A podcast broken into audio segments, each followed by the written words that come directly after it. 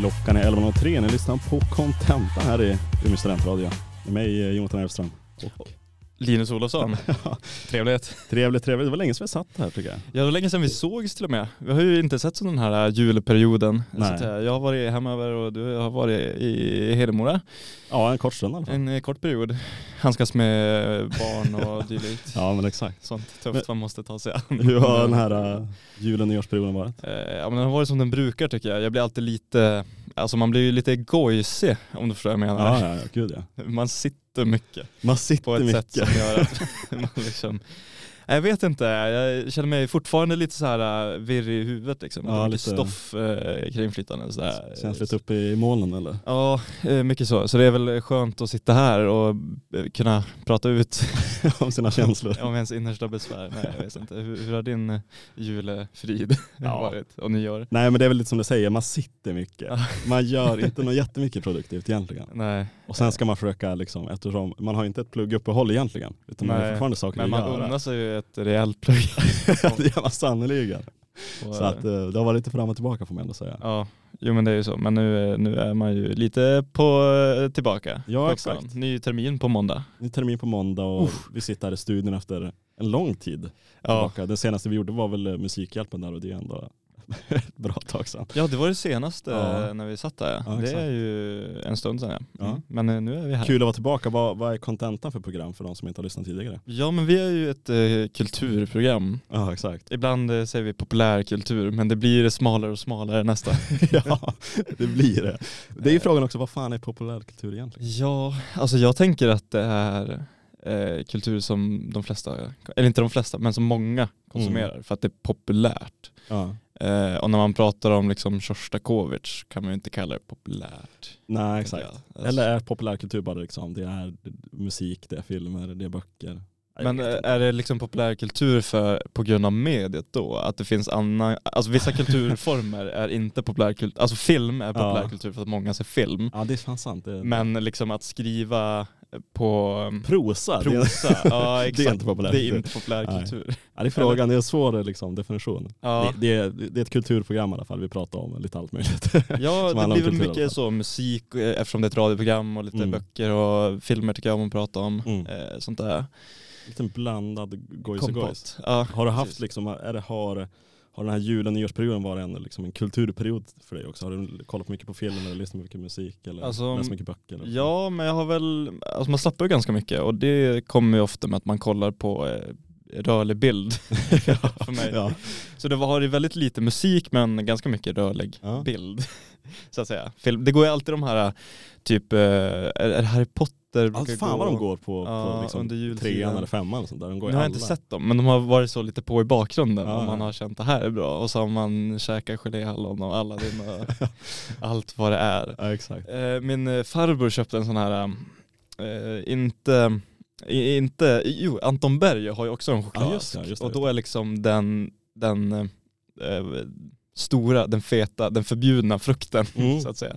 Det är en eh, Cointreau, likör, eh, Ah. choklad, mörk choklad. Men är det liksom som, ungefär som i alla den här vita pärlnougaten i mitten? Nej nej, utan den är formad som en liten Cointreau-flaska Okej, och sen det så är är det den- papper runt den. Är det den liksom alla vill ha eller? Det är liksom den... Ja det är den som är i mitten så att Ja, säga exakt. och den är störst. Ja, men det är det. nog inte den alla vill ha för det är inte alla som tycker om.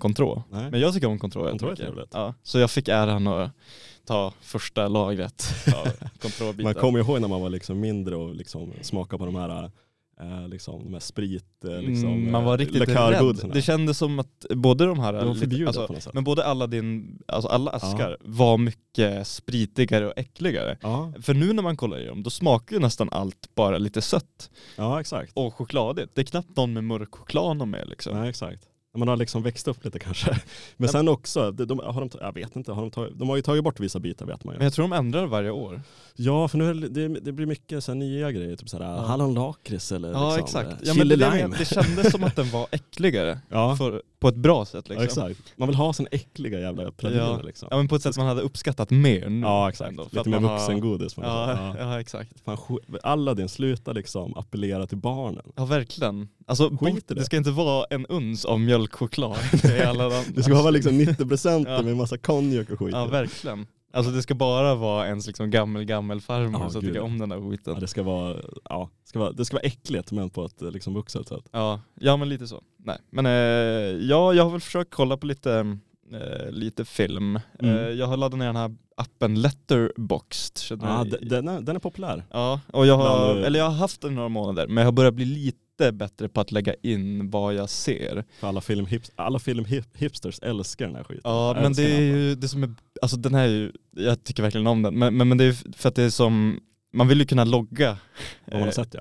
ja men alltså så här, sin, sin konsumtion överhuvudtaget Ja. i någon mån. Det, det blir ju en mer aktivare sätt att konsumera, för det är ju en film, för de som Mm. inte känner till appen så eh, det, är, det är som en filmdatabas där man också kan lägga in egna listor och, Och liksom checka av vad man har sett och jämföra med varandra och skriva recensioner och liksom Mm. dela med andra och bara, ja men det här tycker jag om. Ja. Typ. Eh, Man det är många som liksom, eh, jag har sett mycket så här att eh, TikToks och videos på när folk liksom skickar, kanske skickar in sin topp fem till någon så här. Man har ju sin topp fem eller vad det var. ja, ja. Ja, så här, sin, på sin framsida eller vad det var. Och sen då skickar de in dem till någon eh, eh, TikTokare som håller på med mycket med film och grejer. Så får han Mm, liksom och så här, får de, eh, ranka dem. ja, ungefär så här, ranka det vilka fan, som är bra är hur fan kan du ha den här filmen? Och ja. allt det där. Nej men det, så jag har sett lite, eh, ändå en del film faktiskt. Jag såg den här Reptile med, eh, gud, nu tappar jag bort den. Han som spelar eh, i eh, Fear and Loathing, nej inte Fear and Loathing, jo Fear and Loathing Las Vegas spelar Mm. han den feta advokaten från Benicio del Toro, så heter han. Ah, okej, okej. Ja. Han spelar eh, så gammal, eh, eh, riktigt eh, liksom erfaren eh, poliskommissarie ja, just det. på en mordutredning Ja. som liksom går längre än vad man någonsin hade kunnat ana. Men det var bra eller? liksom. Ja den var, den var Ja. svinbra faktiskt, den kan jag rekommendera. Och så har jag sett om, eller jag har sett båda de här Glass Onion och Knives Out Ja, Knives. Out har jag sett men jag har inte sett Glass Onion. Ja, Knives Out tycker jag var bra faktiskt, men- Jag tycker, jag, båda är jättebra. Jag hade sett eh, Glass Onion sedan tidigare och Ja, jag tycker nog fortfarande att den är bättre av de två, men båda är fantastiskt skrivna. Mm. Eh, Det är lätt att tänka att det är en sån här eh, bara Netflix ser jävligt ball ut men Ja. en skittrist komedi. Ja. Typ. Men den, den har, den är jättebra skri- välskriven liksom. Mm. och ganska snygg. Eh, Danny, är det Danny Craig? Eller? Ja i andra. I andra va? Ja exakt. Eller han är med i, nej han är med i båda ju. En. Ja just det, är han, med i första är.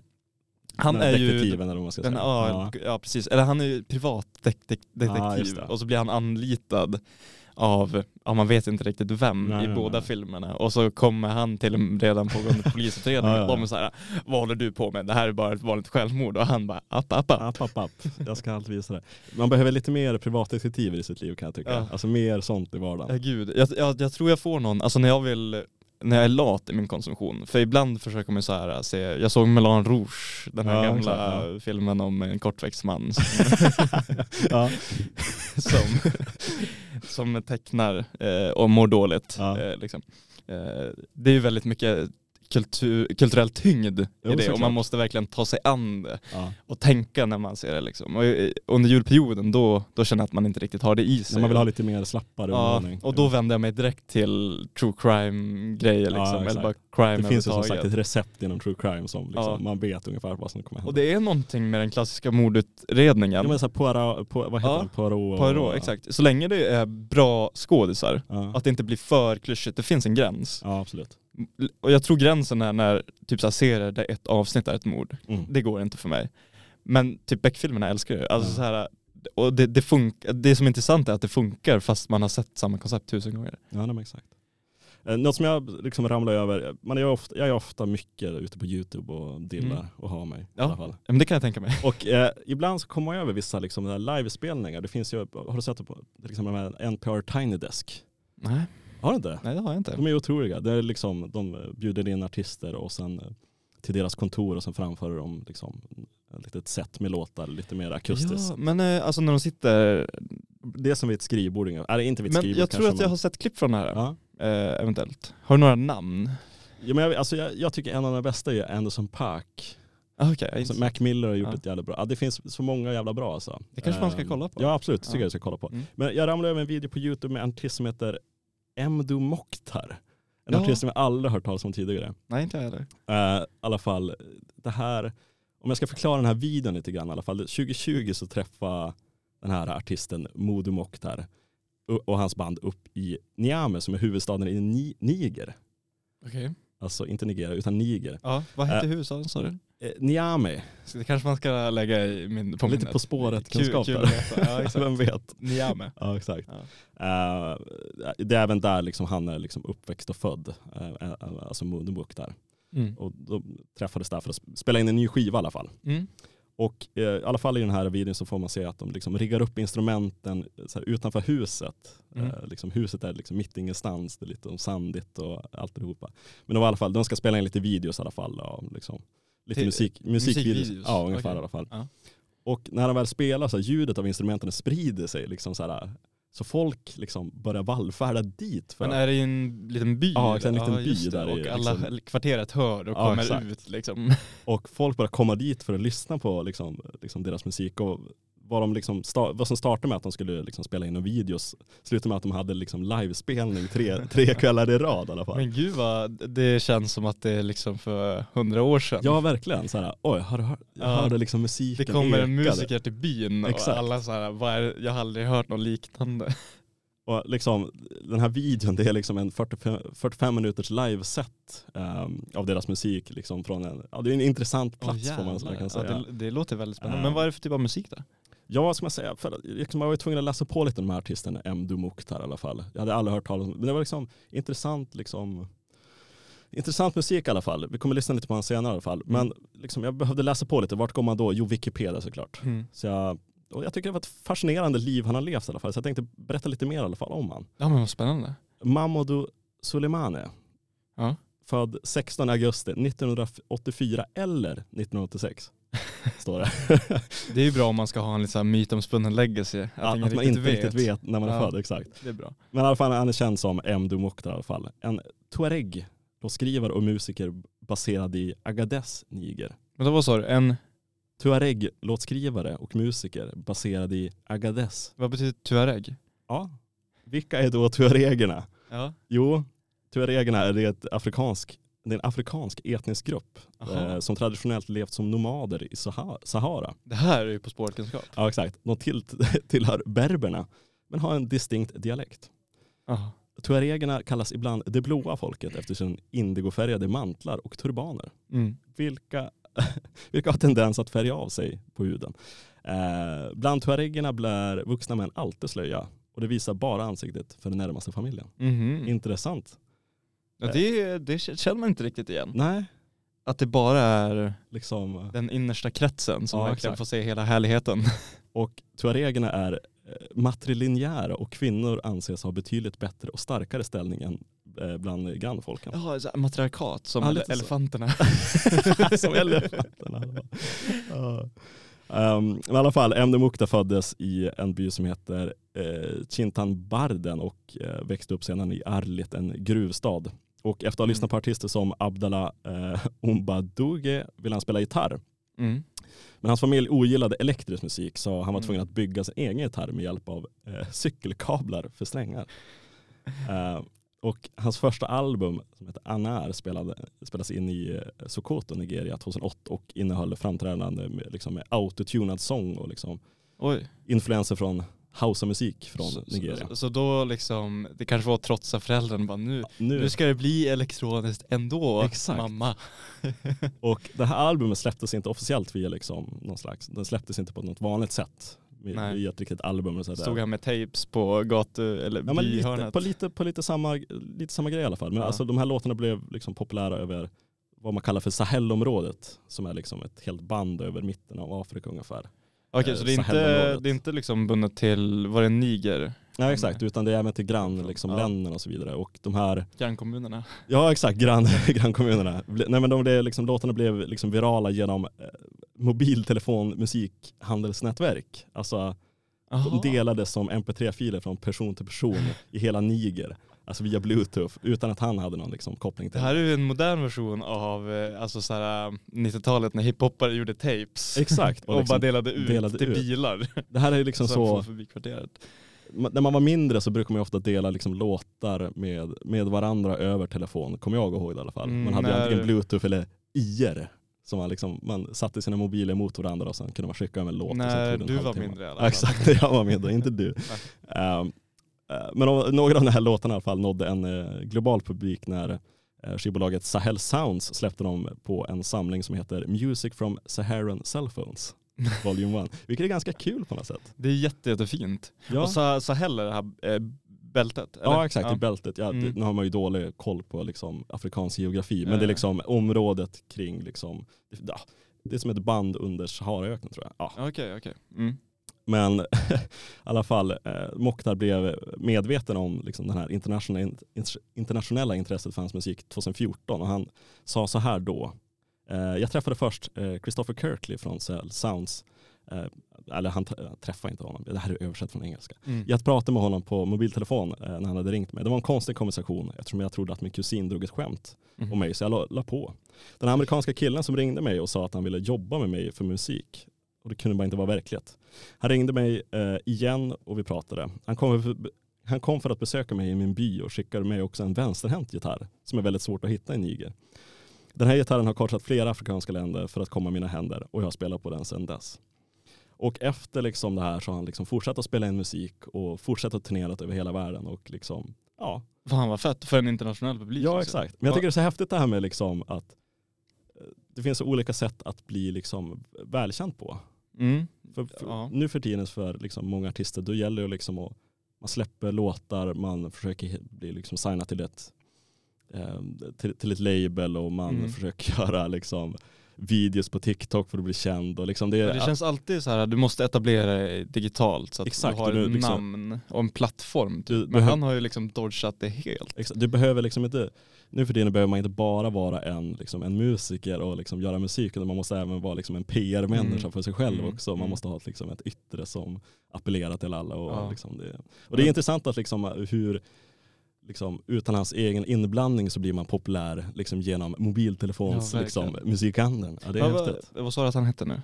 Emdo Mokhtar. Emdo. Det, det känns också som att för att kunna gå den vägen som Emdo har gått, då Mm. måste man ju ha den liksom kulturen runt sig så att Mm. folk, folk faktiskt är så här, ah, kolla vad jag hittar, nu skickar jag över den här Ja, till dig exakt. liksom. Jag, alltså jag har svårt att se att det skulle hända typ i eh, Sorsele eller alltså så här, Ja. på samma sätt. Nej exakt. Eh, men det är kul att det existerar liksom, att men det kan gå på den vägen. Ja. Och att vi liksom här i Umeå sitter och pratar om en kille från, från Niger och musiken han Exakt. har gjort med den här bakgrunden. Det är Ja. liksom mot alla odds på något sätt. Verkligen så liksom, från att liksom ha liksom blivit förbjuden att spela liksom elektrisk musik till att göra sin egen gitarr till att liksom, eh, f- spela in låtar och det släpps via några random musiknätverk genom mobiltelefoner i Sahelområdet Ja. till att liksom få liksom, bli kontaktad av en amerikansk liksom, label Mm. för att spela in musik och börja turnera över hela världen. Det, Ja, det är häftigt. Det är ju en uh, otrolig underdog story alltså, Ja verkligen. får man lov att säga. Och hans musik är ju liksom väldigt speciell för han, han blandar ju väldigt mycket av den här, de här afrikanska influenserna. Nu kan man inte direkt säga att man är superduktig på afrikansk musik överhuvudtaget. Men man känner att det, det är något helt annat i alla fall som Mm. är liksom blandat med liksom mer, mer funky och intressanta liksom, takt, takter får man verkligen säga. Mm. Eh, så jag, vi kan ju ta och lyssna på en av hans låtar från hans album som heter Afric eh, Victim från eh, 2021 och låten heter eh, Kiss Me Ten.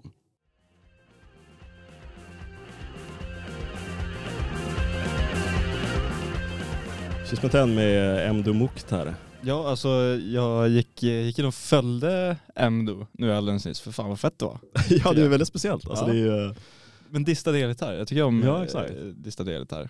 Och- Och så är det kul när det är ett språk man, alltså delvis inte kan men heller inte liksom har hört i Nej. musik i något sammanhang. Alltså så här, om man hör en låt på typ spanska, först, då då är man- så här, ja men jag kan inte spanska men jag fattar grejen för jag har hört spansk musik tidigare. Exakt. Men det här är liksom helt, helt okänt. Helt man lite taggad. Ja, det blir ju mer som att eh, rösten blir ett instrument på något sätt. Speciellt när man inte förstår språket. Ja, det blir en annan satsmelodi.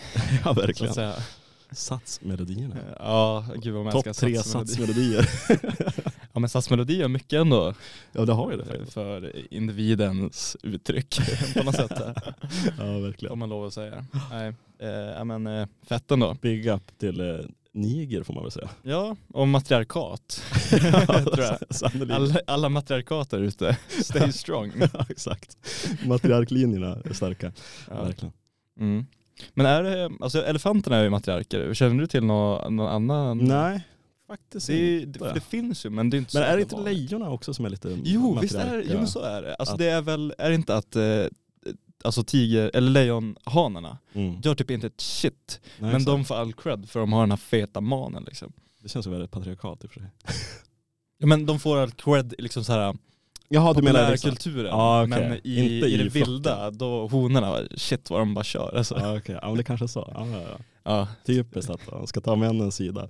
ja men det känns som att man har hört det i liksom så här, de, de nyare naturdokumentärerna. Mm. Men, men allt mer- före 2010, bara fokus på hanen liksom. De jävla woke naturdokumentärerna nu för tiden alltså. Ja, Man blir bedrövad. Det har gått ut för alltså. det har gått ut för alltså. Vad fan håller Attenborough på med? Ja, man ser de här uh, hanfåglarna dansa och hoja på sig. Så där höll de inte på för 15 år sedan. Alltså det är det är det jävla woke-samhället vi lever i alltså. Nej, eh, det om det. Det är om sätt. det ja. Jag har ju som sagt en förkärlek till, eh, eller under de perioderna jag är lat i min populärkulturkonsumtion Mm. så går jag till eh, eh, crime-hållet och eh, mordutredningshållet Mm. eh, så att säga. Eh, och jag har eh, bingeat en serie på ett sätt jag sällan bingear serier Nej. under den här julperioden. Jag såg den på typ två dagar och det, Ja, det är imponerande. det är eh, typ, eh, ja men det är ganska mycket. Det är tre säsonger, sen är det inte jättelånga säsonger. Nej. Eh, Men det är långa avsnitt kan man säga. Mm. Eh, och det är ju den här serien Lupin. Lupin. Nu pratar inte jag franska, det stavas L-U-P-I-N. Lupin. Lupin, eh, om man så vill. Eh, Som eh, hade premiär 2021 Mm. eh, och sen så kom det, de första två säsongerna tror jag kom 2021 och sen kom det ett tillskott nu i höst. Och jag har inte sett den tidigare men jag har eh, haft en eh, god vän som har sett den och sagt, sagt att eh, ja, men det, det här är typ den bästa serien jag har sett. Mm. Eh, och det, jag litar inte riktigt på hans smak, han är ganska, Ja. han, han är bra på... Han, Man har ju vissa, liksom, vissa polare som har så jävla dålig Ja. smak så att, så här, ser jag på den här grejen eller Mm. lyssnar på det här? Nej, jag tror inte det. Man vet så här, okej men om det här är det bästa du har sett, då kommer det nog vara någonting som jag tycker är ganska mediokert. Ja exakt. Ja, ja, Så här, ja, ja jag förstår. Jag inte förstår. för att vara taskig liksom. Nej nej nej. nej. Eh, men, men, eh, men, jag först, men det är så här, ja men det är välproducerat och snyggt i alla fall. Mm. Eh, och det, ibland är vill man inte ha mer från en serie, så jag började kolla på den. Eh, och den är eh, liksom ganska statisk, men, men det är fruktansvärt bra skrivet. Kan jag tycka. För, för, eller fruktansvärt bra skrivet. Det är en bra, ehm, nu är ju inte mordutredningar, vi kan förklara lite premissen. Ja, så att man förklara gärna. Kommer, kommer in att- lite i det här. Du, du har inte heller sett den här serien? Ja men det, det handlar om en, en eh, fransk eh, man eh, som eh, spelas av eh, Omar Sy som också spelar i en av dina favoritfilmer, Ja. En oväntad vänskap. Ja, Han som spelar den här handledaren om man har sett den filmen. ja exakt. Eh, och eh, i den här serien eh, Lupin, om Mm. vi då håller oss till icke-franskt uttal. Lupin. Hörru, har du sett den här Lupin? Ja, otrolig. Ja. Otrolig serie på Netflix. Eh, Ja, men han, när han var ett eh, litet barn eh, så jobbade hans pappa för en väldigt rik familj. Mm. Eh, och sen så stals ett otroligt värdefullt halsband som Mm.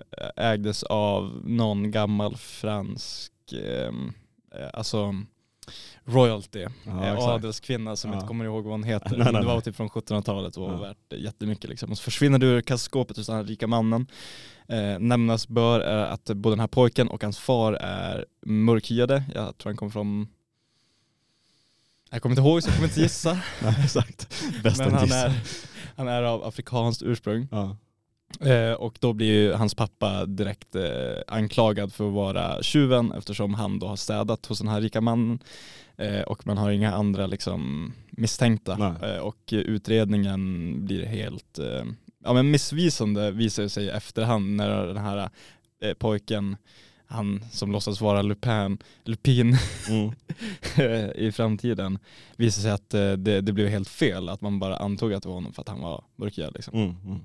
Eh, och hans pappa var vad han själv eh, kallade sig, eller så här, han, han var ett stort fan av den då eh, populärkulturella fi, figuren Arsène Lupin Okej. eh, som är gamla gamla novell, eh, noveller, en novellserie eh, Mm. skrivna av den franska författaren Maurice Leblanc Mm. eh, som föddes 1864 dog 1941.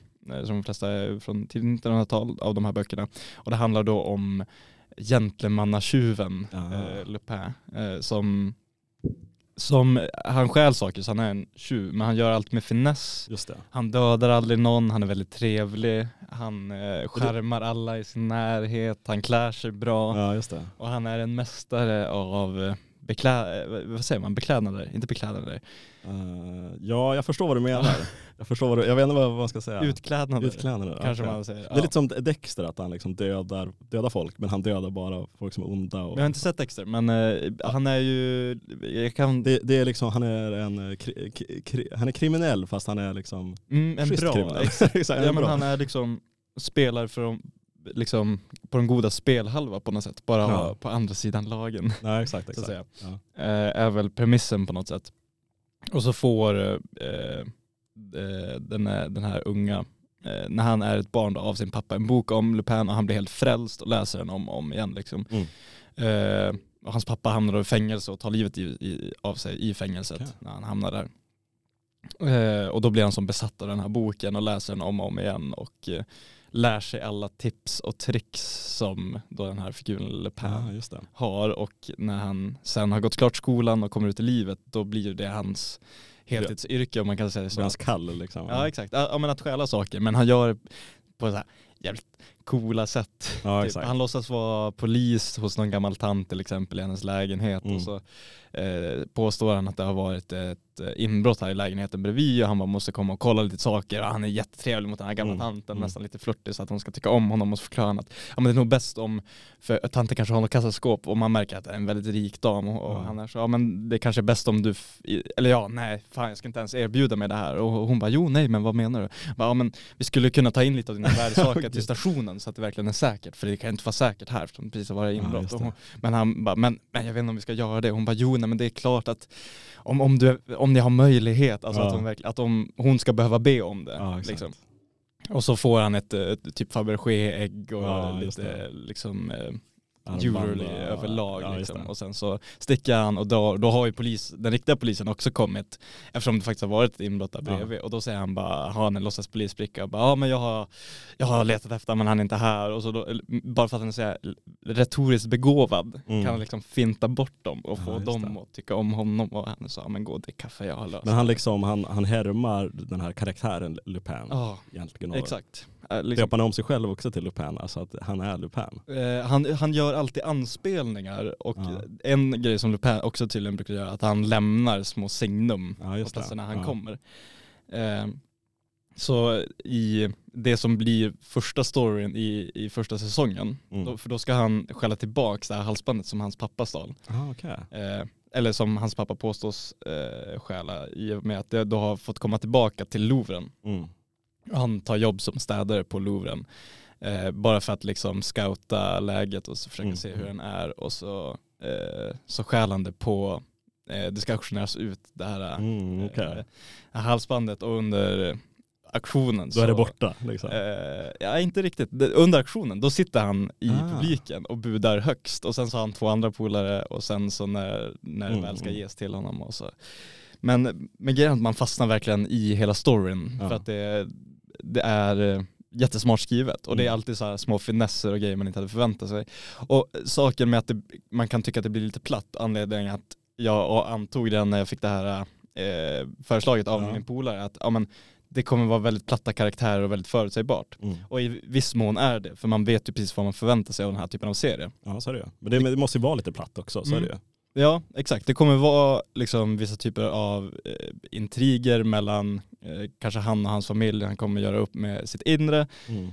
mm, men i slutändan kommer bli rikare av det hela och eh, Mm. han- kommer stjäla massa saker men kommer göra ascoolt. Och så kommer det vara så här Mm. typiska poliser också som får större och större roller över Mm. seriens säsong. liksom. Men hade det inte varit så så hade det inte kanske heller varit bra. Alltså jag menar liksom, Nej, precis. det måste Alltså, ju, på något sätt finns det ju alla de här äh, klyschorna och grejerna, men det är ju det som gör liksom hela genren också. Ja. menar, Det måste ju finnas ibland. Men alltså det som blir eh, klyschor i film, det blir ju klyschor av en anledning för att det fungerar. Ja exakt. Eh, så Alltså om man vill ha, om, om det, för nu, eh, här, om det är en sån typ av serie man vill se, Mm. då skulle jag säga att det är bland de bättre i den genren Mm. man kan titta på. Men är du ett fan av den liksom grejen, eller vad man ska säga, att det är väldigt förutsägbart även fast inte förutsägbart om du förstår vad jag menar? Ja, alltså jag tycker, jag tycker det är ganska skönt. Alltså, oftast när man vill, alltså, ibland när man ser på någonting vill man ju bli utmanad på något sätt. Och, men ofta vill man ju se någonting som man njuter av på något sätt och liksom vet lite vad som ska hända. Och det är därför sådana här serier är ju jävligt sköna att kolla på på Ja. många sätt och vis. För att man vet att ja, man vet att det kommer gå bra i slutändan på något Exakt. sätt. Och det är, liksom, det är lite ångestfritt på ett sätt. Ja. Men även det är ju lite action och allt det där. Men Ja. man vet att i slutändan kommer det gå bra. Ja. Och det är ju skönt på något sätt. Det, veta det är bekvämt och det kan ju bli så att man kanske, eh, eller jag kan vara så att jag, jag då gärna kollar på någonting jag sett redan. Ja exakt. För att jag vet hur, det är det så, lite samma grej. ja. Men det, ro, det roliga med sådana här serier är att även om man inte har sett det så kan man, det är lite samma känsla fast man inte har sett det förut. Nej just tycker det. Ja. Eh, och det, det uppskattas. Men det är också någonting med den här, alltså det utspelar sig i Paris, alltså Ja, den här ju den. finessen och stilen Ja. med att allting ska göras väldigt classy. Ja. Eh, går jag igång på som fan. Det, men alltså hela, jag har tänkt på det, just vart liksom filmer och serier utspelar sig och själva liksom eh, miljön är så jävla viktig och det är det som Ja. gör så mycket av filmen. Jag såg, Ja. en, såg en, en film igår som heter Fallen Angels av, jag kommer inte ihåg exakt vad regissören heter nu, men det är liksom Hongkong i Hongkong. Mm, mm, mm. Och liksom, den är från 95 och den var väl den var ganska bra som sagt, lite svårförstådd och sådär. Men hela grejen att liksom den utspelar, den är ju filmad 1995 i Hongkong och det är liksom lite smutsigt och det är neonigt Mm. och alla bara kedjeröker konstant. Ja, Alltså, och man kan så- inte annat än att älska det. Liksom. Nej exakt, det är svårt att liksom inte älska det och det är liksom miljön, den miljön Mm. där en serie eller en film utspelar sig i är så jävla viktig. Mm, det, men jag, jag brukar se det som att så här, antingen är ett, ehm, en film eller serie väldigt eh, storytung Mm. eller visuellt tung. Exakt. Och då menar jag att det är väldigt mycket eh, engagemang lagt på antingen story-arken Ja. eller på hur det ser ut. Mm. Och om man har väldigt mycket story-arc då blir det visuella helt plötsligt inte viktigt. Om man tar som en eh, typ rättegångsfilmer tycker Mm. jag är ett, ett klassiskt exempel på sånt. Mm. För sådana filmer är oftast sjukt intressanta för Mm. att det är så mycket som händer kring det kanske varit ett brott och sen så visar det sig att ja, men det var inte alls på det sätt som de först trodde och Mm. det är liksom två advokater som kämpar mot varandra. Ja, Det men kan exakt. utveckla sig så väldigt mycket. Typ Primal Fear är ett jättebra exempel på det Ja. med Edward Norton om man inte har sett den. Men visuellt är de nästan alltid helt gråa Ja. och, in, och alla har kostym och det är en rättegångssal majoriteten av tiden. Alltså Mm. det är väldigt platt visuellt men det blir bra för att det finns en så, så mycket man kan tänka, Mm. så, eller så man kan liksom tolka in i det som händer Mm. istället för det man ser. Ja, det kan ju bli nästan om det är för mycket, alltså det är en storytung och att den är liksom Då blir det för mycket cinemat, intryck. exakt, Ja, man blir exakt. liksom över, överstimulerad Ja, exakt. Vad fan ska man fokusera på? Och Här? det bästa är ju om man har liksom en perfekt balans mellan, Ja, självklart. mellan självklart. de två. För samtidigt kan någonting som är väldigt visuellt Mm. härligt men in, inte ha någon story nästan alls Nej. vara också lite så här. Men det var lite som, eh, som- som Oppenheimer, den var ju liksom eh, sjukt liksom tung, eh, liksom rent storymässigt såklart. Mm. Men Ja, samtidigt väldigt- var den ju väldigt vacker och fint Mm. liksom filmad och mycket i svartvitt och sånt där. Så att Den tyckte de gjorde det bra. det fanns ju en slags balans i det Mm. där. I. Det, det problemet med det är ju att den kanske var lite för lång mm. med tanke på hur mycket det var Jo, av så grejerna. För det blev, i slutet blev, satt man, eller jag i alla fall, och kände så här, oj men nu händer det, det har hänt så mycket, jag orkar inte riktigt ta in Nej, man måste nästan ta en paus i, i mitten Ja. och sen liksom fortsätta. Men jag var och såg, eh, i, jag tror det var innan jul, den senaste Studio Ghibli-filmen, eh, Pojken och hägen Mm. heter den. Okej. Jag tycker, eh, alltså eh, typ Spirited Away och... Jag såg Spirited Away här förra veckan för Ja. första gången. Okej, Ja. kul. Spännande Bra film. får man säga. Eh, Men om man inte känner till det produktionsbolaget, det här japanska anime-studion som så gör jätte, jättefina Jättevackra filmer. filmer. Och de tycker jag är, de kanske är lite mer åt det här andra hållet, att det är mycket visuellt, Ja. mindre storymässigt. Men det är fortfarande nog engagerade det som händer storymässigt. Mm. Alltså det tycker jag är ett jättebra exempel på filmer som har perfekt balans Mm. mellan det visuella och det mer story-engagemanget. Mm. engagemanget Mm. liksom. Jag hade alltså sagt, jag tyckte den var liksom supervacker och, och fin. Men sen förstod jag kanske inte riktigt storyn. Eh, Jag hade svårt att förs- förstå storyn i Spirited Way. Men Mm. jag tyckte ändå det var en, en jäkligt bra film.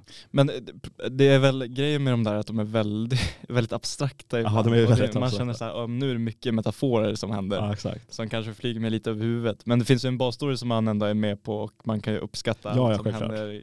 Ja, hon, hon växer upp och liksom Ja. får liksom, hon går från en rädd liten flicka till en, Ja, en modig och så vidare. ja exakt. Men eh, Nej men eh, som sagt, Lupin kanske man bör kolla på. ja, jag tycker det om man, eh, om man känner sig sugen. Men eh, bra skådespel, Ja, bra story. Men vi kanske ska ta och lyssna på någonting franskt när vi Ja. ändå har pratat om en serie som utspelar sig i Paris. Paris. Eh, och eh, jag lyssnar inte jättemycket på fransk musik, men vi Nej. fick ju ett eh, tips av vår kära radiokollega, eh, kollega, eller på säga, Ja. eh, radiokamrat Selma.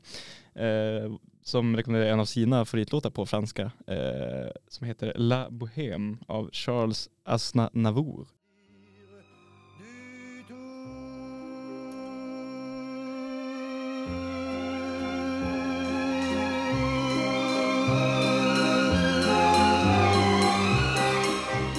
La Bohème med eh, Charles Aznavour. Ja, det är ju någonting med allting franskt, att så fort man hör det så man bara mm, Frankrike. Mm. Eller så här, jag pratar inte franska och jag är inte jätteinförstådd i kulturen. Nej nej nej. nej. Så, så, så fort man ser någonting franskt så är det såhär, åh Oh. nice, är franskt. Förstår jag menar? Frankofil-aktet i sig. Ja, Men ja. inte på det sättet att man är jättenördig i Frankrike, för Nej. jag kan inte så mycket om Frankrike. Men Nej, det känns väldigt bra när någonting känns lite franskt. Alltså så här franskt 60-tal gillar man ju. Ja, gud, Det är ju absolut. otroligt vackert det och är, fint på något sätt. Det är estetiskt, utan att förstå någonting om det. Nej exakt, man ligga på Rivieran och Ja, man lite Charles på det. kanske. Ja, Mm. jag, jag, jag har faktiskt en kompis i Paris, eller kompis kompis jag tio, men jag var på träningsläger i Portugal för några år sedan och sprang ihop med några franska långdistanslöpare. Mm. Eh, en kille som heter Thomas, eh, som jag inte har kontakt med i typ två år. Och så skrev jag till honom för en vecka sedan, för jag fick några infall så bara, fan jag får måla i Frankrike typ, om jag får tid. Ja. Eh, och, så skrev jag till "Ja, jag funderar på att få till Frankrike, har du några tips eller? Han bara, ja, men du kan bo hos mig i en, två veckor. Ja, fan vad gött Ja, ja. det, det är så härligt att veta att man har en, kontakt i Paris som, man, vill kan, man, som alltså. man bara kan höra av sig och bara du, kan jag bo hos dig i en, två veckor? Man vill ha en kontakt i varje stad liksom. Ja exakt. I got hoes in different area codes. Den grejen, fast bara polare. liksom. Jag vill bara polare jag kan bo hos. Men det, det är ju jättebra om man har liksom en sån polare i alla större städer. Så Ja, kan man verkligen. köra genomresa bara. Man har en på polare i. London, Ja exakt. Madrid, ja. Barcelona. För en vecka kan, kan ju man som värd ta ändå. Det är inget så Ja, exakt. Får man bara köra genomresa så. Fan otroligt ja. Hade varit någonting. Ja, men bra låt. Bra låt i alla fall. Eh, vi pratade här tidigare lite om liksom vad man har konsumerat under jul och nyår och sådär Mm. i alla fall. Mm. Och något som händer varje jul och nyår, alltså sporten är ju Sport är ju något som liksom ofta i liksom många länder så brukar det gå på en paus att liksom, nu är det julpaus. Mm. Den tyska fotbollen går på paus i tre Mm. veckor och sånt där. Mm. Men i England då kör man lite tvärtom nästan att under, vad ska man säga, under jul och nyår så där så har det liksom, för britterna är det liksom nästan tradition det här med sport. Under över den julen. Jaha, Exakt. det visste jag inte. Det finns ju bland annat den här äh, väldigt populära boxing, boxing day-fotbollen. Alltså boxing day är väl den 26 tror jag. Mhm. Jag tror det är liksom dagen efter eh, juldagen. Varför heter det boxing day? Jag vet fan inte. Jag Man- tror, man att, boxas? nej, jag tror det har med att göra liksom med att man eh, kastar ut lådorna från eh, julklapparna. Allt Ja, paketen. Jag har ingen aning. Om man öppnar dem den 24. 25 exakt. Men var ska gränsen? För i Sverige är det 24. Ja vi firar ju på julafton exakt. Ja. Christmas Eve. När, hur gör man i Norge liksom? Jag tror också 24 i Norge. Det är Ja. liksom, vi är väldigt ensamma att fira på den 24. Är det bara Skandinavien? Jag, t- jag tror nästan det alltså. Ja. Ja, Jag var alltså förvirrad när man som barn såg amerikanska julfilmer. Ja, och så exakt. bara, nu är det 25. 25. Och man bara, men ni har ju missat det. är ni dumma i huvudet? Nej, exakt, han är dum i huvudet. Men något som även pågår under liksom jul och nyår är, och som är väldigt populärt i England i alla fall, det är dart-VM. Ja, Okej. Och som sagt, det här har ju kanske inte jätte att göra med, jättemycket att göra med kultur, men många brukar ändå säga att sp- sport är ju liksom den största liksom, kulturyttringen. Ja, men det finns så världen, mycket runt omkring ett sportevenemang. Ja, klart, det är inte bara det som händer på liksom, en fotbollsplan eller på en, liksom, en basketplan Ja, eller på själva sporten som är, som är en grej, utan det, är liksom, det finns ju en kultur utöver det som händer också. Men jag tänker om man tar rally-VM som är ändå in, inom någon månad här i Umeå. Mm. Det alltså jag bryr mig inte om rally, men fan vad kul det är när det är rally-VM. För, för det händer så mycket, det kommer så mycket Mm. folk och det är massor som händer på gatorna. Och, Mm. Det är massor med kulturella evenemang. Exakt. Även om det inte är sporten som behöver vara i fokus för Nej, den enskilda individen. Och det är så mycket liksom, liksom det, det finns en kultur på lä- fotbollsläktare där liksom man har eh, sättet man ser ut på och den Mm. musiken man lyssnar på. Det finns ju mycket, mycket runt om sport som inte bara handlar om sporten. Som Ja. sagt. Absolut. Och jag tycker överlag, liksom, jag upptäckte dart förra året, alltså förra dart-VM. Och det är, jag tycker dart är en jävligt underskattad sport som väl nu verkar börja få lite popularitet Alltså som underhållning alltså. Ja, Det verkligen. låter spännande för jag har det är nästan svårt att se det. Ja, alltså det är ju, när man väl tänker på dart som sport så är det ju ganska tråkigt. Det är ju liksom två, två stycken som kastar pil på en Ja. tavla. Det, så, så enkelt är det ju. Mm. Och, men det är fan mer spännande än vad man tror. Och det är också ett jävla drag i publiken kan man säga. det? Ja, alltså det är liksom, tänk dig några liksom, flera tusen fulla britter som kollar på dart. Liksom. Vad fan kan gå fel? Ja det är sant, det måste vara jävla, men eh, det är ju en pubsport, alltså utspelar sig även VM i en pub? Men alltså det blir nästan, det, jag tror eh, det utspelar sig i, eh, det finns någon evenemangsgrej som heter Al- Al- Alexander Palace. Mm. ehm, där de har liksom, men ofta sitter de liksom vid långbord eh, Jaha. och dricker bärs och kollar på dart. Alltså publiken? ja exakt. Ja, Och- för, vi- för visst är det, man får inte dricka när man tävlar. Jag vet fan inte. Alltså jag tror, Jag har, jag har hört att det är liksom, är alltså typ doping, doping, ja. för att man blir mer avslappnad. jag, tror, jag tror fan inte det är så. Jag tror de får dricka lite om de vill. Okej. Jag tror Ja. det är så. För jag, jag har kollat på några gamla, nu är det ju ganska gammalt, men liksom från Ja. 2005 och då kommer ju en av snubbarna upp med liksom två Heineken i handen okej. liksom på, på scen. Vilket är otroligt. Som dansk fotboll. Ja, verkligen. Och liksom, men som sagt, de sitter vid de här långborden, dricker bärs, kollar på darts. Och vanligt förekommande fenomen i publiken är att de har med sig, man, man får som skyltar där man kan skriva saker på. Mm. Att de håller upp dem och allt möjligt. Och Mm. när det högsta man kan få i dart, alltså på, på tre kast, alltså det, det maximala är 180. Och liksom varje gång det blir 180 så blir det ett jävla drag. Liksom. De är upp med de här skyltarna och hela köret. Det är 60 i mitten. Eller 50 i mitten. Var, får- var, men hur får man 180? Eh, trippel 20, trippel 20, trippel 20. För om man kollar på en dartbräda så Ja. finns det ju olika de här, de här numren som sagt Ja. runt, runt eh, brädet. Ja. Och sen den yttersta ringen, det är ju som en liten ring runt om. Mm. Där är dubbla poängen. Sen Mm. det som är mitten ungefär, Den de här in- stora områdena, det är bara bara en singel. Ja, och den andra ringen. Andra ringen det är trippel. Ja, hit, och det träff- finns en 20 som man träffar. trippel 20, trippel 20, trippel 20 så Just får man det. 180. Men i alla fall, och utöver liksom de här att de sitter och dricker, de är alltid, nästan alla har på sig någon slags utstyrsel, någon kostym. Alltså det är lite halloweenigt över hela, hela evenemanget på något sätt. Ja. Och tydligen säljs det i alla fall en miljon pints under hela VM. Så jag Åh, menar, jävlar. du fattar att det är ett jävla drag. Satan. Och- Men, men när är det här, alltså när är VM? Det, är, det pågår liksom, om det är, jag kommer inte ihåg exakt, men om det är från liksom den 15, 16, ah, något sånt där, eh, december och sen Mm. pågår det fram till ungefär lite innan jul och sen har de en liten paus och sen fortsätter det efter jul och sen Mm. över nyår. Eh, Ja, och det så, är så länge ja det är ändå pass länge Okej. och det är liksom, drar ändå en stor jävla publik under hela, under hela VM. Men mysigt ändå så här, i mellandagen och bara, äh, men vi går ut, vi dricker någon Ja, öl, kollar på lite dart. Jävla så här, trevligt det, alltså. det låter rätt mysigt. Ja exakt. Och det, jag tycker också det, liksom dart är en av de få sporterna där utövarna verkligen får vara sig själv också. Ja, Att liksom varje spelare har en introlåt som de går in med, okej. ungefär som boxning nästan. Ja, Och där varje spelare har ett smeknamn. ja. Varje spelare kanske har en, liksom en sjuk design på tröjan. De visar känslor. Men Ja. ä- även att liksom, det är oftast bara vanliga snubbar med ölmage. Liksom. ja, och det känns som en så avslappnad sport och stämning liksom. Ja exakt, verkligen. Det är kul. Jag tänker på eh, friidrotten, för att det är den enda sporten jag kan relatera till. Där är det Mm. lite tvärtom, för då ska man stå på typ så här, om man hoppar längdhopp, då är det Mm. bara helt tomt överallt, så det är liksom Ja. enda man ser är personen som hoppar och man får knappt ha kläder på sig. Nej exakt, det är verkligen Och det, det är så hyperfokus på vad man Ja. håller på med. Och det blir oftast ganska styltigt att eh, Ja. kolla på friidrottare för att det är Mm. så väldigt mycket fokus på personen. Och det är så klassiskt att folk, när man väl tävlar så går det åt helvete för att man kan inte slappna av. Nej, exakt, det är bara fokus på prestationen. man, liksom. om, man Mm. kollar, om man kollar på en friidrottsarena, det är, det är bart överallt i princip. Ja, och sen så ser man en gubbe som ska kasta eller hoppa liksom. Så Exakt. Det blir, Det blir inte lika sexigt. det blir som motsatta världar. Ja, sätt. verkligen. Det låter väldigt härligt att ha en sån, liksom ett sammanhang där man kan utöva sin idrott där det är avslappnat. Ja exakt, man får skapa sin egen persona på något sätt Ja. också. Att man får liksom, eh, det är inte bara liksom sporten i sig utan det är liksom eh, mycket utöver det. Det finns en, en, en dartspelare som heter Peter Wright som har liksom tuppkam och har rakat på sidorna men liksom han färgar tuppkammen och sen brukar han liksom göra, måla in ett motiv på sidan av huvudet. Åh, och det, är liksom helt, ja, det är helt otroligt i alla fall. Eh, något, något annat som- fick väldigt mycket uppmärksamhet detta VM och som jag tror även har liksom gjort att det här VMet har ju gjort darten lite mer synligt. Att jag tror varje dart-VM så blir såklart dart mer synligt och det är Mm. mer som börjar följa det. Det var ju så jag hittade förra året också. Eh, men jag tror liksom det här, det har aldrig varit så många som har kollat på dart tidigare någonsin nästan. Nej. Och eh, mycket var på grund av en, en kille som heter Luke Littler i alla fall, som spelade sitt första VM och endast 16 år gammal. Åh jäklar. Det som är roligt med just Luke Littler och som har blivit liksom en meme på nätet är att han är 16 år men han ser fan ut att vara 30. Alltså jag menar han har liksom skägg och lite mage. Shit, stackarn. Ja, liksom, det liksom, finns många memes där liksom så här, där man ser någon video när, liksom, bara, ja, när, när bartendern på liksom, puben eh, liksom, ser Luke Littler 16 år men Ja. han har liksom serverat honom i fyra år. Liksom, allt det där.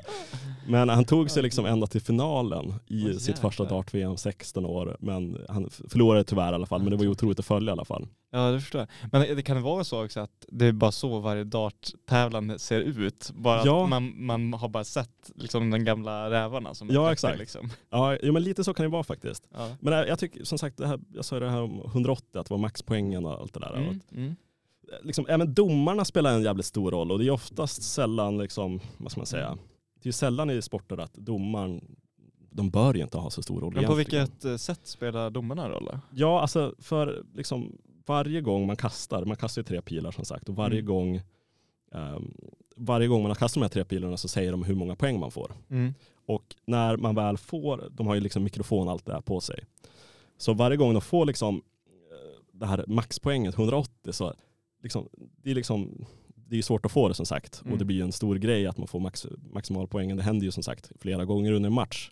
Men liksom varje gång de får 180 så blir liksom domarna helt till sig. De, liksom varje domare har sitt eget sätt att Ja, liksom skrika ut att det händer. Ja just det, de, ja, just det. de får, eh, de får chan- eh, också chansen att visa sina känslor. Ja exakt. Och Ja. liksom, därför tänker jag spela upp några exempel på olika liksom, sätt de här Ja. domarna skriker ut det på.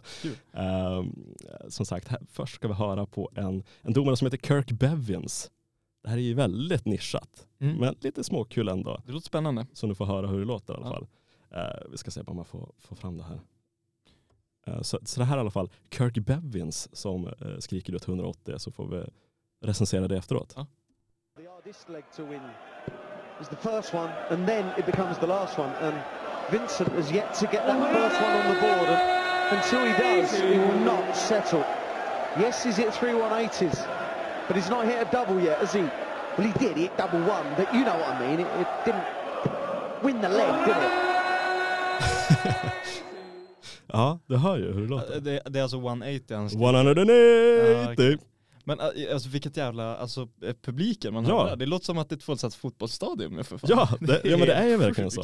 men, det, men det är kul också på, alltså i fotboll som sagt, man vill ju att domarna, att de ska ta så lite plats som möjligt eftersom, ja, det är inte Mm. domarna man bryr sig om. Men det blir på ett sätt när man kollar på dart att det är lite roligt att domarna får också ha, ha sin egen Ja, person när de ja, får göra ja. sin grej. Och det, det, det blir, bara, blir bara roligare när de skriker ut det på det Ja sättet. gud, det blir ju bättre, större hype liksom. Ja exakt, Bättre stämning i de är ju liksom en hype master på något sätt för Ja, att de verkligen. vill Så kolla, kolla på wrestling eller någonting. Ja men verkligen. Vi tar en till här i alla fall. Eh, En, en domare som heter George Noble så ska vi höra på hans lilla Karl hörs. Mm.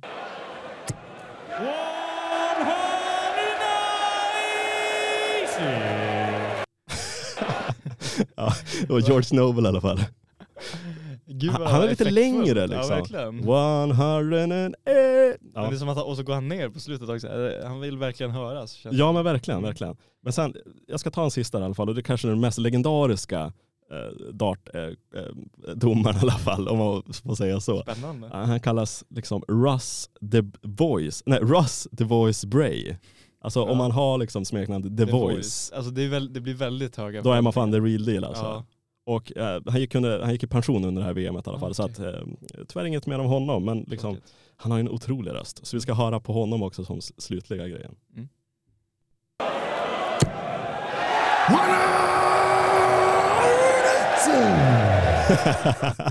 Han lät ju mest förstörd alltså. ja men alltså, otrolig. Ja jävlar. Men det, det är som någon ma- gammal militär eller någonting. Ja men verkligen, alltså otroligt mycket rök i den här rösten. The Voice. The Voice, Russ. Ja. Bra namn. Man hade velat höra han prata lite också. Han känns som en bra... Ja, jo, men han har ju väldigt rökig röst i alla fall. Ja.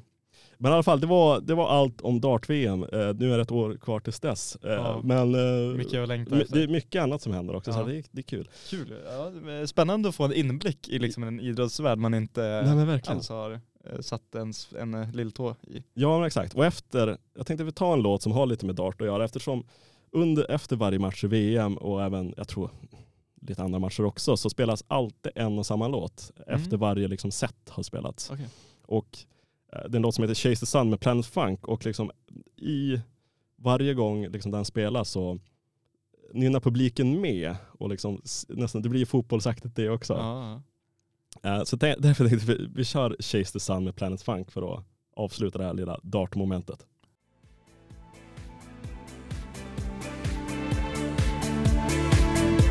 Chase the Sun med Planet Funk, ja, god låt lilla dart-specialen där. Ja men jag kan ändå se att stämningen eh, river taket när man ja men kör här liksom i mellanspelet. Oj, oj, Ja. oj. Otroligt. Ja, kul ju. Och du kollade även upp liksom eh, Luke Littner. Luke Littner, Alltså det är 16-åringen. helt sjukt att han är 16. Ja jag vet. Det känns inte okej liksom. Nej han ser 16-åring ju han ser fan äldre ut än mig alltså. Ja, alltså ganska mycket äldre ut än dig. Ja, Alltså han hade kunnat vara 35. ja minst alltså. Typ. Alltså då undrar man ju hur han kommer se ut när han är 35. Ja exakt, man blir ju lite orolig för honom. Ja verkligen. Hur mår, Hur mår hur han? mår Luke? Ja, bra fråga. Det blir spännande att se hans karriär, hur den, hur den utvecklas. Det är alltid svårt där med, med idrottsmän och kvinnor som uh, pikar, eller inte pikar kanske, men som blir väldigt stora när de är eh, väldigt unga. Men det brukar ju vara så att om man är så bra så tidigt, då blir Mm. man inget bättre. Nej det kan ju vara så ibland. Eh, eller det vanligt bland kastare i alla fall. Ja. Att om du kastar 65 när du är typ Mm. 17, då kastar du inte längre än 65. Nej det finns ju många liksom fotbollsspelare som bara, oh jävlar vilket, hur bra han är, han är liksom 17 år och sen Ja. blir det som aldrig någonting av det. Nej, exakt. Wayne Rooney var väl otroligt bra när han var liksom 16 och spelade i Premier League och allt det där. Men Mm. han, han lyckas ju fortsätta med det också. Men han Mm. hade en väldigt tidigt, alltså, väldigt tidig mm, eh, pension i alla fall inom Mm. fotbollen. Så att, det Ja, kan ju vara att man, om man börjar väldigt tidigt så kanske man slutar väldigt tidigt också. Ja men det är väl också att det, det sliter som fan att Ja, verkligen. elitidrottare. Om du börjar att leva som en riktig elitidrottare när du är typ 15, jag menar, Ja. då är det klart att du kommer Slita ut dig. vara innan- klar tidigare. ja, men så är det verkligen. Så är det. Eh, med undantag kanske för typ Zlatan. Ja, Han är, ja han det är finns ju vissa fotboll. Ja. Han, han slutade ju spela förra året i alla fall. Så Ja. att, eh, Men då var han väl 40 plus fall? ja men han hade otroligt mycket skador också där. Ja. Alltså, knäskador så det bara smäller om det. Så Mm. att, Skulle, hade du, du är ändå insatt i fo- fotboll, hade det varit bättre om man slutade tidigt, alltså så här, som med Seinfeld, att sluta när man var som bäst istället för att se alltså, han hade ju, downfall? Han kunde ha slutat en säsong tidigare och det hade varit perfekt. Han, Okej. han kom tillbaka till Milan och liksom, eh, gjorde det jävligt bra. Liksom, liksom, det var ett Milan som krisade väldigt hårt. Och, Mm. och han kom in, han hade spelat där tidigare och liksom, de repade upp sig och sen vann de liksom Serie A. Och Ja, liksom, där hade varit Ja, perfekta varit slutet. Istället för att bara Ja. liksom, och fortsätta en säsong till och vara skadad och spelade knappt och där Ja. hänga av sig skorna. Det var, ah, Så, var men- tråkigt. Men det är alltid svårt att veta när man ska hänga Ja. upp skorna. Typiskt med så stora kändisar också. Ja, gud De verkligen. har för mycket ego, man tänker att jag är så jävla Ett år bra. till. Ja, Ja. exakt, exakt. Det går, det går. Ja, det, det är svårt. Ja. Så re- respekt till Jerry Seinfeld för Ja, att sluta i tid, ja, sannerligen. får man lov att säga. Eh, men eh, jag, eh, jag läste en Aftonbladet kulturartikel Ja, vad i spännande. veckan. Ja. av den eminente Kristoffer Andersson som jag nämnt tidigare, som Mm. är känd från P3-klubben bland annat. Ja. Eh, rolig kommentator till samhället i stort. Han skriver väldigt spretigt. Den här artikeln ställer mig nästan lite tveksam till för att så här, när, om man har hört hur han pratar, då Mm. skriver han exakt som han pratar. Han Ja. skriver bara som en lång tankegång, men det Ja. gör också att det blir fruktansvärt jobbigt att läsa. ja, det kan ju bli det faktiskt. Eh, Han, är, han, han ger och tar, men det kan ju vara ganska mycket iro- ironiskt över Ja det är alltid också. ironiskt och det är liksom små, alltså väldigt specifika burns till folk som knappt förtjänar det och som är så, de är så smala i sina referenser att man får Ja. liksom läsa om den fem gånger för att förstå vad han försöker säga. Ja, Men, och kulturjournalister och speciellt kulturtyckare på de här kultursidorna kan ju vara bedrövliga. Alltså, Absolut. alltså. men eh, han är lite rolig. Han är ju rolig absolut. Men jag, jag skulle säga att han funkar mycket bättre i det pratade formatet Ja, än eh, det skrivna. Mm, ja men det får man väl säga. om jag får ha eh, en tanke. Men i alla fall, hans artikel eh, som kom ut i, eh, igår faktiskt, klockan fyra Mm. på natten. på natten, okej. Ja, eller på morgonen kanske det är. Ja, beroende på hur man Vi- vill vi- tolka dygnet. Men det känns ändå som att det är, eller är det småtimmarna? Ja, vad fan, hur är det liksom? När Vad, vad, är- vad är varje timme för någonting? Men det är väl alltså 12 till 1? Är det verkligen det? Är inte det typ 3 till 5 kanske? 2 till 3? Jag Jag har tänkt att varje timme är 12 till 1 och att sen småtimmarna är typ så här 2, 3, 4. Mm. Och sen börjar morgonen. Men jag vet inte riktigt, alltså småtimmarna, kan 4 till 5 vara en småtimme eller det är en morgontimme? Jag vet inte. 4 till vad- 5 är ju, jag ska inte klassa det som morgon i alla fall. Men vad, För många är det ju morgon. Men vad är begrepp, men var kommer små, begreppet småtimmarna ifrån? jag vet inte. Det är ett konstigt Vad är begrepp. vargtimme för Varför är något? de så små? Varför är de så små? Det är väl en timme är väl en timme? Ja. Eller hur? kan man väl säga. Ja, skitsamma. Eh, han, eh, han skriver så här, eller rubriken till artikeln eh, lyder eh, Prova att lyssna på något nytt. Ligg med någon. Eh, och ingressen är Vi har inte bara en 90-tals revival. Ingen tittar framåt längre. Eh, och sen så skriver han lite om eh, Flammans chefredaktör Leonidas Artakis eh, som eh, har påstått att 90-talet är över Mm. och sen så skriver Kristoffer att nej men det är det i allra högst grad inte för att det, det kommer 90-talsromantik hela tiden nu, det är större än någonsin. Om man kollar på, han nämner bland annat att det kommit en eh, dokum- SVT-dokumentär, en tre timmar lång som heter Berättelsen om Killinggänget. Ja. Eh, och att eh, folk är så jävla kåta på den tiden och att Mm. allting var så nytt och ironiskt att eh, man liksom inte riktigt kan släppa hur gött allting var under den här 90-talseran. Ja. Att Man alltid ska minnas tillbaka så att säga. Och sen så menar att det är eh, ja, svår, å, återigen, svårt att liksom plocka isär Kristoffer Andersson och förstå precis vad det är Ja, han nej, säger. För varannan mening säger han någonting, någonting nytt som man Mm, inte riktigt mm, mm. kan tolka. Eh, men, men eh, han verkar också ha en problem med mediamänniskor som tycker att de är inne och Mm. att det är inne med media. Mm. Eh, han, han skriver, det har kort sagt, precis som på 90-talet, blivit ballt att inom citattecken jobba med media, åtminstone om du heter Edvin Törnblom och saknar ärende. Okej. Och jag vet inte riktigt vad det betyder. Nej. För han jobbar ju också verkligen med media. Eh, Ja. Så jag, jag vet inte, men jag kanske, kanske det här citatet att definiera sig själv som en person som jobbar med media. Ja det kan ju vara det. För det kan jag känna igen, att det känns som att vi lever i en era där det är väldigt Ja, inne. Man jobbar med media, man är liksom art director. Ja, eller är- reklamare eller Ja, vad man exakt. är. Ja, det, det känns som att vi lever i en era där det igen alltså, är någonting respektfullt. Ja, vilket också är konstigt för att vi lever i en sån här um, Alltså miljön blir ett allt större ämne och hela den grejen och Mm. då känns bilden av en person, eller en, en- alltså en medieperson tänker jag är någon som bryr sig väldigt mycket om sitt, sitt yttre och att allting ska se väldigt fräscht och nice ut. Ja exakt. Och det känns som att det går väldigt mycket emot den här eh, lev på lokalt producerade Mm, mm. matvaror och det kan ju vara mycket- ut på för- landet. Alltså så här, att det Ja. finns, det är som konf- två kulturer, Men det konf- en ko- kulturkonflikt. Men det är väl det som är liksom kulturen nu, att man ska liksom handla ekologiskt och man ska bo ut på en gård. Och, men det är ju det som blir ens yttre och det är Men- det som blir coolt. Man ska också ha liksom så här Vintagekläder träskor som är jävligt snygga. Ja, exakt. Boots från 70-talet som Ja. man hittar liksom svindyrt på någon nät, Ja. Och, och, det, och det, då kanske resultatet är att människor ser, alltså blir kanske lättare att inte tycka om för att det blir så dubbelt. Ja, så kan det vara faktiskt. på något sätt. Att man eh, bara lever efter en image men Ja. egentligen försöker man bara ha, bli creddig typ. Ja, ja men så är det verkligen. Så är det Eh, verkligen. Men eh, det, det, det jag känner när jag läser den här artikeln, för han menar att alla bara kollar tillbaka, att ingen Kollar framåt. kollar framåt. Nej, nej, Varför lyssnar du inte på en låt? Varför ligger du inte med någon? Då Ja. rubriken lyder. Och då tycker jag det är väldigt kul att fundera på vad, vilka liksom mediala, popkulturella trender eller Mm. f- möjlig framtid vi kan ha för 2024 eller kanske för hela 20-talet i stort. Och jag menar som vi säger så eh, har det ju varit en grej med det här eh, nat- Alltså mil- miljögrejen kommer bara bli större Mm. och man kommer vilja göra innehåll av det. Jag, jag tänker på, nu kanske det inte är jättestort, men, men jag har kollat mycket på alltså Kalle och Britta, Hjälp Mm. vi har köpt en Mondgård. Mm. Och det är ju typ definitionen av det vi pratar om. För att ja. de är skit jävla snygga och lever så ett liv som alla bara åh. Vad häftigt Typ. liksom. Det Men är de har coolt. så Ja. jätter och små barn Ja, och de bjuder över sina vänner. De hade Ja. ljudspecial och så Ja. gjorde Kalle en egen bock som han hade på verandan som de brände upp. Ja. Och så lagade de mat och allting är bara härligt. Han har en podd med sin polare som heter I väntan på katastrofen. Ja, den var de pratar prepper. prepping, Ja, exakt. liksom.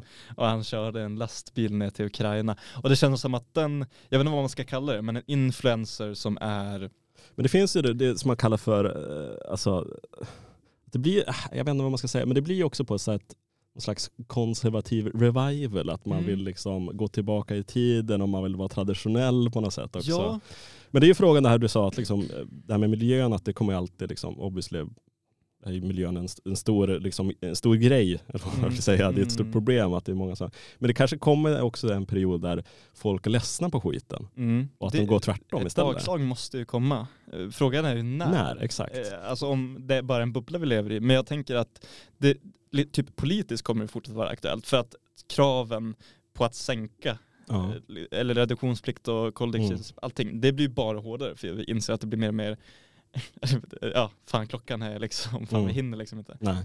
Och då känns det som att det borde vara en, men det, det kan ju vara som du säger, och ju mer intensivt det blir, då kan Mm. det ju bli ett större och större liksom motpol i Exakt. bland befolkningen. Men, men det där du sa med konservativt tyckte jag var, fick mig att tänka, för jag hörde någon snacka om min generation, en mediapersonlighet som Mm. jag inte minns riktigt vem eller vilket sammanhang, men att vi är den generationen som gifte sig tidigt Ja. och verkligen bryr sig om kärnfamiljen. Och jag, det ligger någonting Det ligger för, absolut för det. många i min ålder, jag är 20, Mm. har liksom fasta förhållanden som de har haft Ja. i många år och de värnar verkligen om den och de Mm. bryr sig om kärnvärden. Och det tycker Mm. man ser i sociala medier också, att familj prioriteras, Ja, att äta bra mat. ja det känns som att det är halva grejen med Instagram, det kanske alltid har varit, men det känns som att så här, det blir större värden Mm. i att leva ett väldigt enkelt och liksom, jag vet inte. Ja, att liksom hälsosammare, wholesome.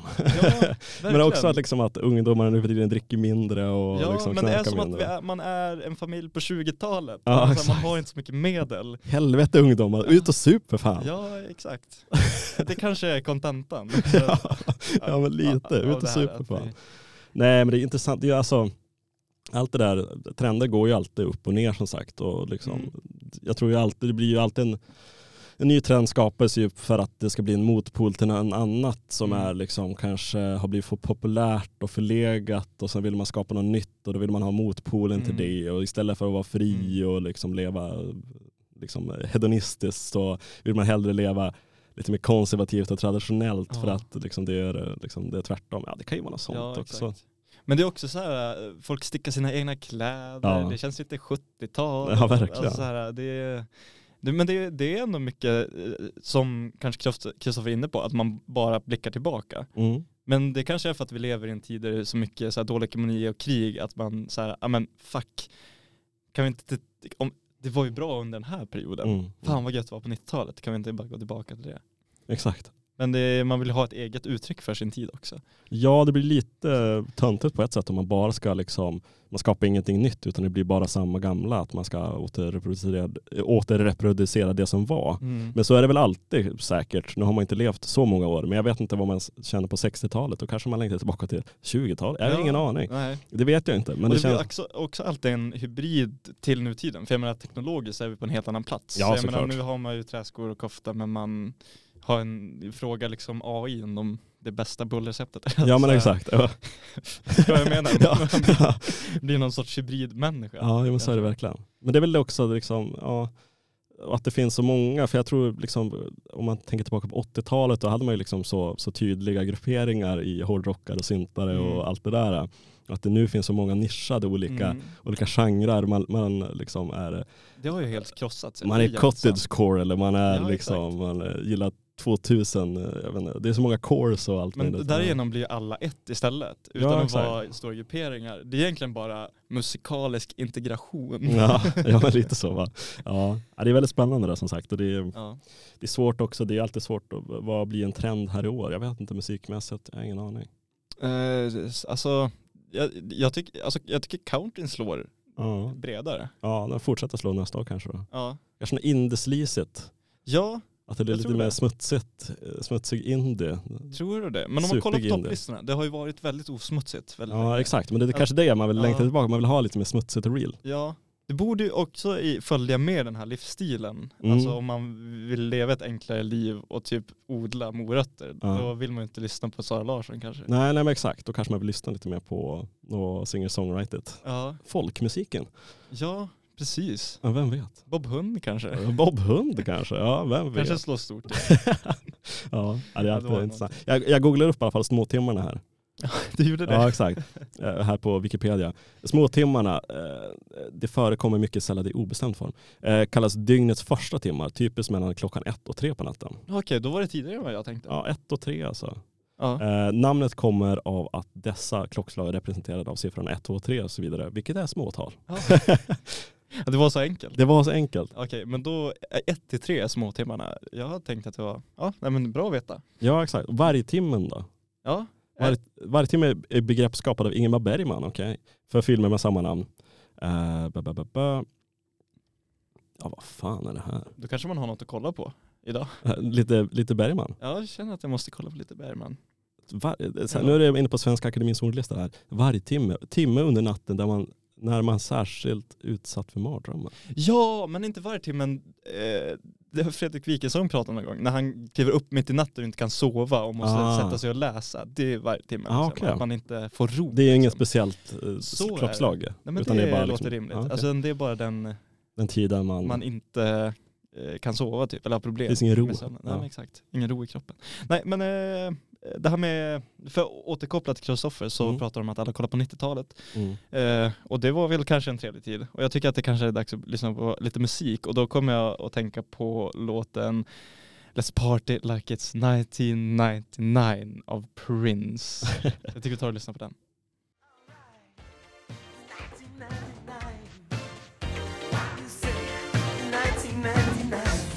1999 med eh, Prince. Jävla bra låt alltså. Man blir lite... Ja, du börjar dansa igång Ja. här va? Dansa igång helgen snart i alla fall. Ja. Eh, första avsnitt i alla fall, För 2024. 2024. Mm. Skottåret tror jag. Här är det. Jag, jag har hört det men jag har inte kollat det. dålig på skottår är man ju. Jag menar, är det någon som har brytt sig om skottår? Ja, det är kanske inte heller kunskap som är så viktig Nej, kan jag känna. Nej, det, fan är grejen med skottår? Ja. Jag förstår hela grejen att man måste liksom lägga till en, Mm. en dag eller något sånt där. Annars hade ju året förskjuts. Liksom, Ja, exakt. Och det hade blivit sommar när vinter och vinter när sommar. Ja, det är väl häftigt. Det är lite intressant där med just att eh, eftersom det är, det är sommar på liksom the southern hemisphere, vad fan heter, Ja. alltså söder om ekvatorn. Ja. Liksom man har sett det. Eh, Alltså under, när det är vinterfrost. Exakt, liksom, det är så, här så, så jävla flippat när man ser liksom från Australien, Nya Zeeland. Ja. Fan, de har ju sommar där. Ja, min eh, bror firar jul och nyår i Sri Lanka. Ah, Och spännande. De hade det varmt. Det kan jag tänka mig. Och de firar nyår på stranden. Ja, det, vilken jävla dröm alltså. Ja, ja det, det såg spännande ut. Men tydligen är Sri Lankarna inte så, alltså så här, äh, Det är ingen stor grej eller? Men nej inte det. så. De är inte så liksom, mot turister är de inte, de är inte världens mest extroverta folk. tydligen. Ja, okej. De är dåliga på att bara så här, wow, kolla här är två svenskar, nu, fan vad sköna de är liksom. Ja. Verkar de inte riktigt så. Det kanske blir lite mer, eh, man, man hänger med andra turister. istället. Ja, typ så. Men eh, bra te. Bra te. Har Ja. hört. Har, har du hört det? Ja. Ja, de är tillbaka i, i, i Europa i alla fall, i Nederländerna. ja okej. Just det, de är ute och reser där ja. ja. Ja, ja eller de har ju varit bara i Sri Lanka liksom och surfat Ah. Min spännande. brorsa var tydligen en, en natural, han hade inte Ah. surfat tidigare. Men nu, hans sambo är ju då från Nederländerna. Okej, just så det. nu är de eh, eh, hos hennes familj Ja, just det. och återhämtar sig lite efter resan. Ja, det verkar vara kul. Hon är julare och hon fick en alltså 6 cm lång blodigel i örat. Ja, det lät ju kul. Visst! Ja. ja, det var fruktansvärt. De skickade vid den när de, de hittade någon läkare liksom, Mm. så drog de ut den. Jag tror jag- fruktansvärt. Jag tror på vissa håll och kanter i alla fall alltså, så använder man fortfarande blodiglar inom medicinen. Mm. Alltså, Jaha. Det är väl någonting att man ska förnya blodgrejen och sånt jo, där. men det där är väl, eh, det känns lite alltså hinduskt, religiöst. Jo, men det, jag tror det fortfarande är en grej inom liksom västerländsk medicin också. Jaha. Att jag tror det, det går, alltså det är väldigt fåtal fall, men att det finns även typ i Sverige. Att det finns ändå ett medicinskt bruk. för Det finns ett medicinskt bruk att man vill liksom åt, vad ska man säga, typ om man haft ett sår någonstans Mm. eller någonting så, eller något sånt där, så Återställa balans. återställa liksom blod, ja det är något sånt där. Ja, okej. Det finns någon slags medicinsk. Låter man igen suga ut lite blod och sen sätter man in nytt? eller? Nej jag vet, jag vet. dålig, dålig Är på du det. inte läkare? Exakt. Tillbaka med åderlåtningen kanske. Det, det, det, det är ändå sjukt att man, att man trodde att, liksom att genom att tappa någon på blod så skulle Mm. de bli frisk på något sätt. Men man, man tänkte väl, skiten finns i, I kroppen. Ut med det. ut det. Ut med skiten Ja, så blir det bra. Ja men herregud, alltså innan 1850, fan Ja, gå till läkaren, vilken Ja, jävla ångest. Alltså. Ja det har ont säger du. Men Hmm. vi sågar bara bort det. Såga bort hela benet som gör ont så blir det bra. exakt. Om du har ont i benet då kan du inte ha ont i det om du inte har ett ben. Nej exakt. Right, right. Nej, men det- jag tänker ändå, det är inte så, så jävla länge sedan liksom, medicinen var så jävla grov alltså. Nej, Jag tänker liksom- primal. Ja, är verkligen primal. Jag tänkte liksom eh, första världskriget, hur sjukt, sjuka Nej. grejer som hände där också. Ja, där var det svårt att sköta. Där var det nog mycket också, tänker jag, alltså rent, ehm, eh, vad säger man? Ehm, eh, Mycket hygienproblem. lo- Logistiska Ja. problem. Ja, det också för den Att man liksom, ja, det fanns säkert hyfsad vård på den perioden. Ja. Men då var du tvungen att ta det till ett stort sjukhus i en storstad. ja, det, det är svårt att när man ligger i en, folk liksom i, ja, ligger i Ardennerna någonstans, där Nej, det är någon skyttegrav. Det blir svårt. då Alltså. blir det ju inte jättevackert. Ja, exakt. Det är ju som sagt, det är fredag idag. Mm. Eh. Jajamän, och då ska vi inte prata om krig Jag tycker det där med blodiglar och Ja. liksom eh, old school medicin, vi kanske, inte så mycket fredagsfeeling på det. nej vi vill jag vill avsluta kanske lite på lite högre not i alla Det fall. tycker jag. Har du några planer eller? Ja det blir lite tentafest ikväll i alla Ja, fall. Eh, kul. Det blir kul och sådär. Eh, Så får vi se vad som händer utöver det. Själv då? Jag ska på hockey ikväll. Trevligt. Jag ska förmodligen åka slalom imorgon Oj oj oj. på Brentis. Jag ska lära mig. Jag har inte åkt sedan jag var ett litet, litet barn. Ja, Jag har fan åkt slalom en gång, ramlade i liften och Ja. har inte åkt sedan dess. Nej men det, problemet är att jag känner, oj vad kul att det varit om man kan. Ja, Eh, verkligen. Så jag ska tvinga min tjej att lära mig för hon kan. Ja, Okej, Och jag kan inte. just det. Mm. Nej men du har inte växt upp i en slalomfamilj heller? Nej. nej, nej, nej. Eller alltså jag vi, vi stod med husvagn på, i en backe när jag var liten. Men vi slutade med när jag var kanske nio. Ja, Okej. Mm. Eh, och fram till dess så åkte, men knappt, alltså i barnbacken och Ja. jag var inte, alltså jag har knappt minne av det. Liksom. Nej men exakt. Jag vet inte. Nej men det, jag är ändå taggad på helgen. Jag Jag, tror att det kommer bli mys. Ja exakt, på tal om barnminnen, eller vad ska jag säga. Barndomsminnen i alla fall. Jag, jag, vi, vi satt och pratade här under någon låt i alla fall, att Ja. bara, fan vi har inte kört om Michael Jackson. Nej det har vi ju inte. Och en av de första, äh, inte första, nej men alltså en stark liksom, den första liksom kändisstöden som skakade om mig Ja. Rejält var fan när Michael 2009, Jackson dog. Ja exakt, jag tror det var det. Michael. Och jag var, det var så här, fan, fan vad sjukt. Alltså det var så här Mm. första gången man insåg att, nej inte första gången, men det var Nej. så här första gången någon riktigt stor Första hade gången dött. Som man lilla hade, Jonathan kom öga till öga med döden. med döden. Ja men exakt. Um, så därför får vi kanske avsluta med Michael Jackson-låt här i alla fall och eh, då tar vi och lyssnar på Don't Stop Till You Get Enough i alla fall. Ja. Så får vi önska alla, alla, Alla er där ute en riktigt god helg. god helg. Och glatt 2024. Ja, Hoppas ni vinner eh, på Lotto eller uppnår hela nyårslöften eller hittar någonting i livet som bidrar med lite lite glädje. jajamän. Tack för att du ni har lyssnat. Puss. Ha det bra.